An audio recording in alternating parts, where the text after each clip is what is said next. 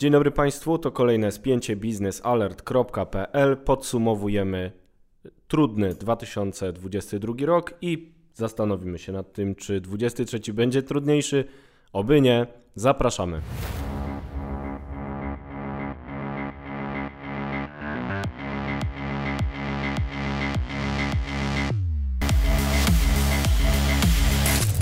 Zaczynamy spięcie biznesalert.pl. Po drugiej stronie jest Mariusz Marszałkowski, ja nazywam się Wojciech Jakubik. Reprezentujemy redakcję biznesalert.pl i co tydzień e, spotykamy się z Państwem e, w podcaście Spięcie, aby rozmawiać o najważniejszych sprawach w energetyce. I tym razem na przełomie roku 2022 i 2023 pochylimy się nad trzema najważniejszymi tematami mijającego roku, a potem powróżymy sobie troszkę z fusów, bo czemu nie.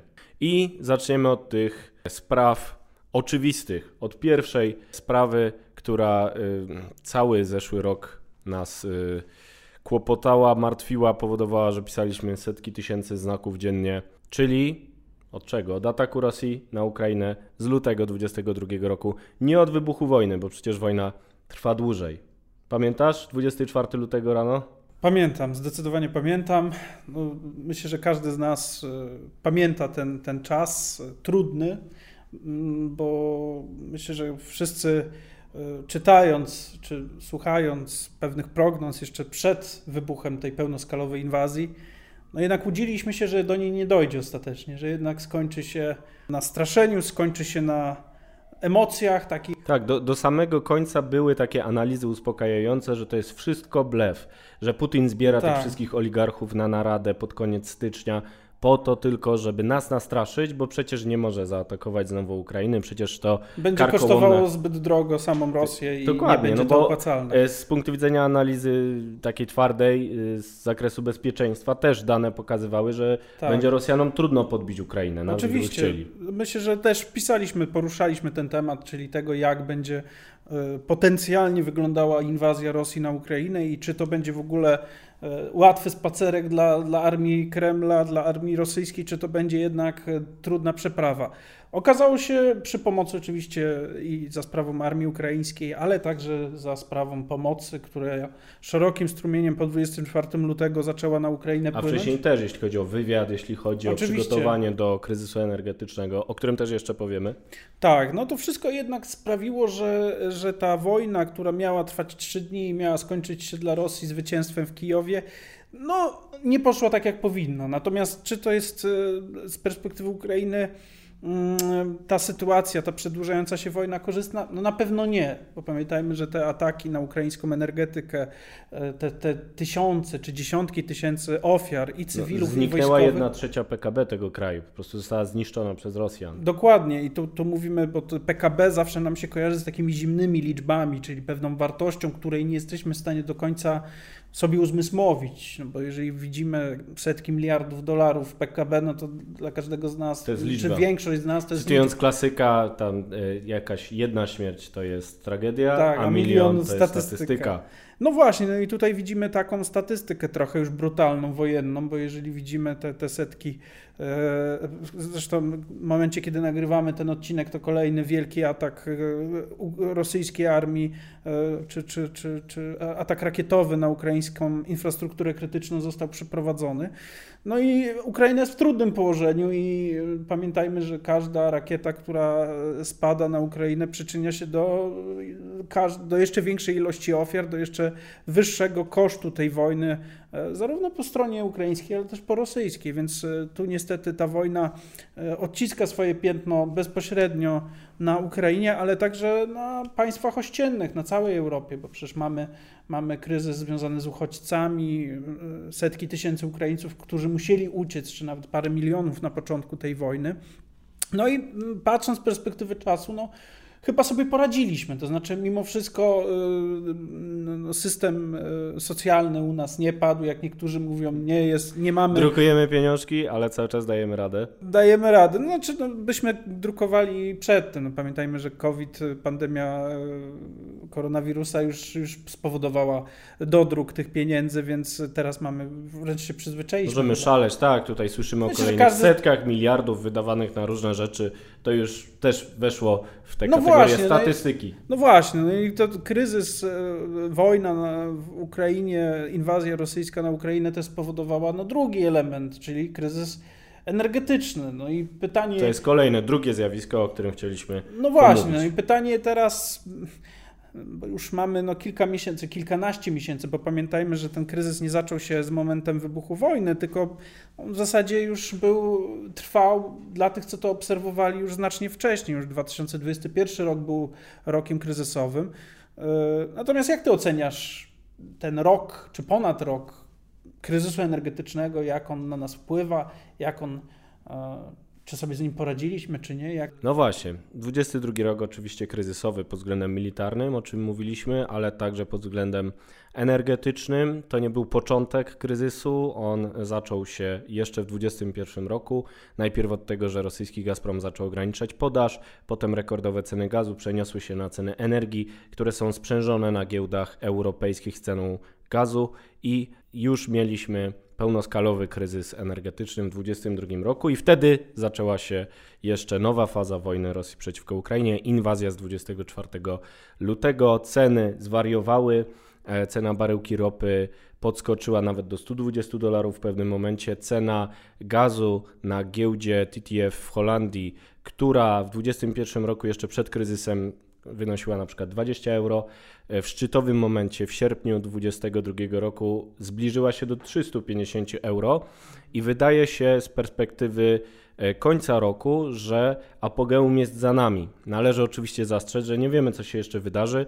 Jakiś taktyczny ładunek jądrowy, różne rzeczy mogą się zdarzyć, które znowu spowodują, że będzie wariactwo na giełdzie. Natomiast póki co, w chwili, w której rozmawiamy, ceny surowców i energii spadają, ponieważ kryzys militarny, energetyczny, o którym mówiliśmy, zamienia się coraz bardziej w kryzys gospodarczy przez zjawisko destrukcji popytu, o którym można też u nas dużo poczytać, ponieważ jest tak horrendalnie drogo, że spada popyt. Chociaż y, gospodarki jeszcze nie weszły w fazę y, długotrwałej recesji, mamy w niektórych miejscach ujemne PKB, ale jeszcze nie wszędzie. No techniczna recesja. Póki co Zobaczymy, jak będzie w 2023 roku, powróżymy jeszcze z fusów. E, to mimo, e, to powinno być trochę lżej przez to, że spadną e, ceny na giełdach. Mamy baryłkę Brent za 80 dolarów, mamy cenę na TTF-ie w wysokości 80 euro za megawattogodzinę. Do tego druga połowa grudnia jest cieplejsza, jeszcze cieplejsza niż zwykle i to wszystko powinno zmierzać ku stabilizacji ale te czarne łabędzie w analizie zawsze się e, mogą pojawić, wyskoczyć.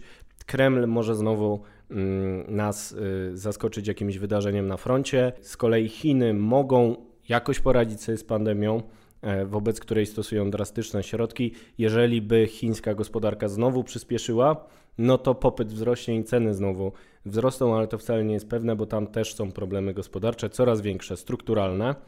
No więc y, podsumowując 22 rok pod znakiem kryzysu energetycznego, e, można powiedzieć, że kończy się on lepiej niż się zaczął, ale sam kryzys będzie trwał i w 2023 roku jeszcze nie raz będziemy wracać do tego tematu, bo niestety będziemy go czuli każdego dnia, także w swoich portfelach, także przez to, że na początku 2023 roku zostanie wycofana tarcza antyinflacyjna w Polsce i e, VAT oraz akcyza na paliwa i inne media będą znowu wyższe, więc trochę zaboli. Żeby było lepiej, musi być trochę gorzej i w ten sposób przechodzimy płynnie do bardziej optymistycznego tematu, za to niekończącego się, czyli energetyki jądrowej, która na szczęście doczekała się jakichś nowych rozstrzygnięć w 2022 roku. I co powiesz na ten temat, Mariusz?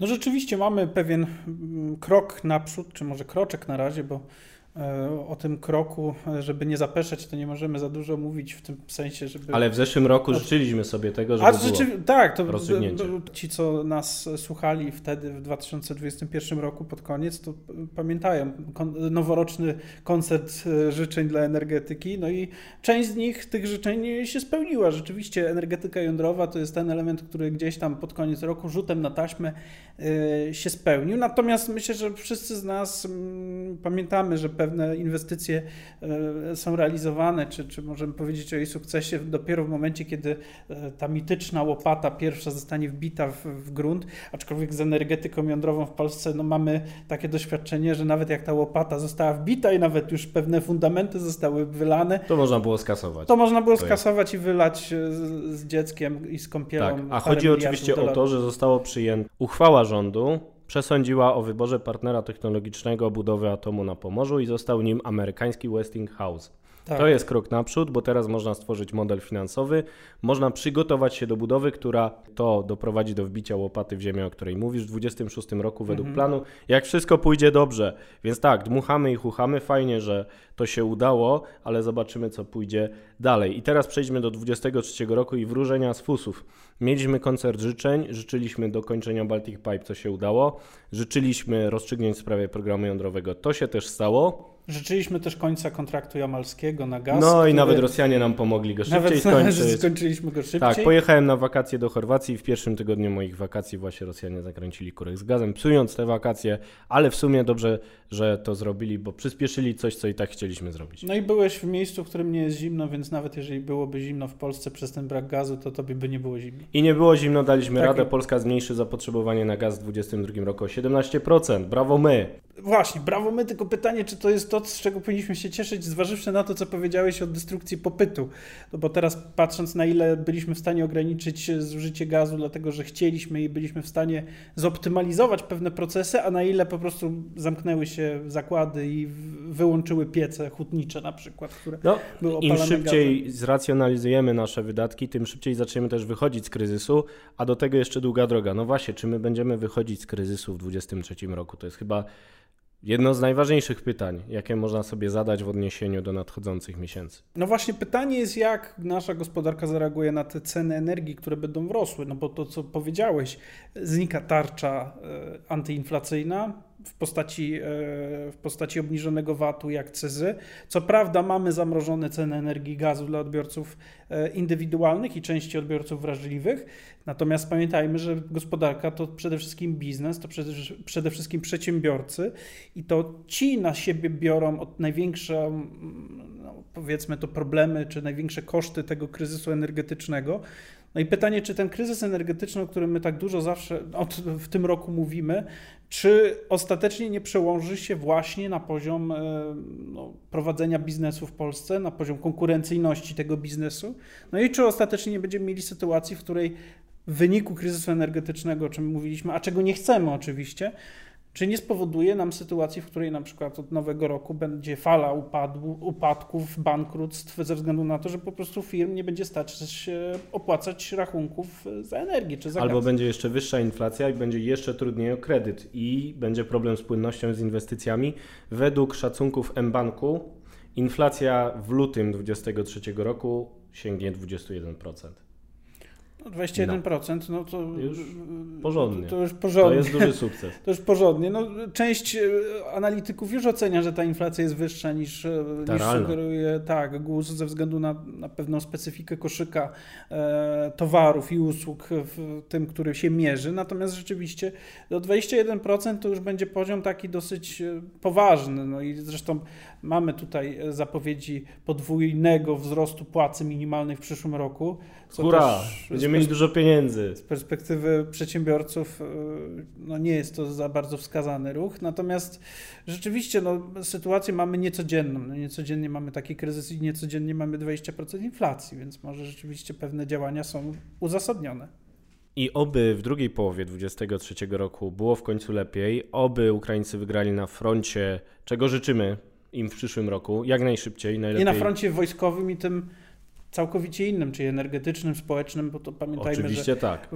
wojna wojną, żołnierze w okopach i w czołgach, natomiast społeczeństwo cywile no, również mają swoją wytrzymałość i trzeba... Tak, i nawet jeżeli nam jest trochę ciężko, to warto porównać naszą sytuację z tymi ludźmi, którzy mają prąd przez dwie godziny na dobę gdzieś w mieście ukraińskim, które jest odcięte od wszystkich zdobyczy cywilizacji, do których my jesteśmy tak przyzwyczajeni. I zatem życzymy e, zwycięstwa Ukrainie, życzymy nam wszystkim uspokojenia kryzysu energetycznego, zamknięcia stacji benzynowej Putina, bo bardzo mocno na to pracuje, no i lepszego, spokojnego, ale nadal ciekawego 2023 roku.